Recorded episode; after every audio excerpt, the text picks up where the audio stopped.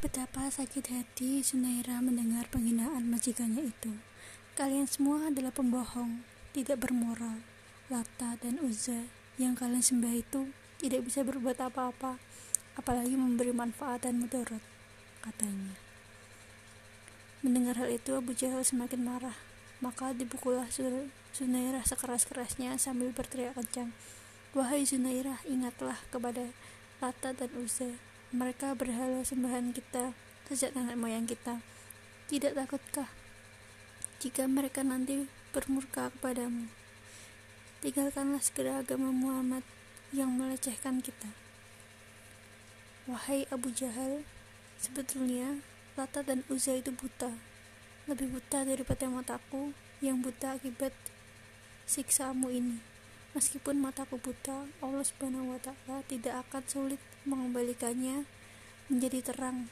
Tidak seperti Tuhanmu Lata dan Uzza itu. Jawab Sunairah tegas.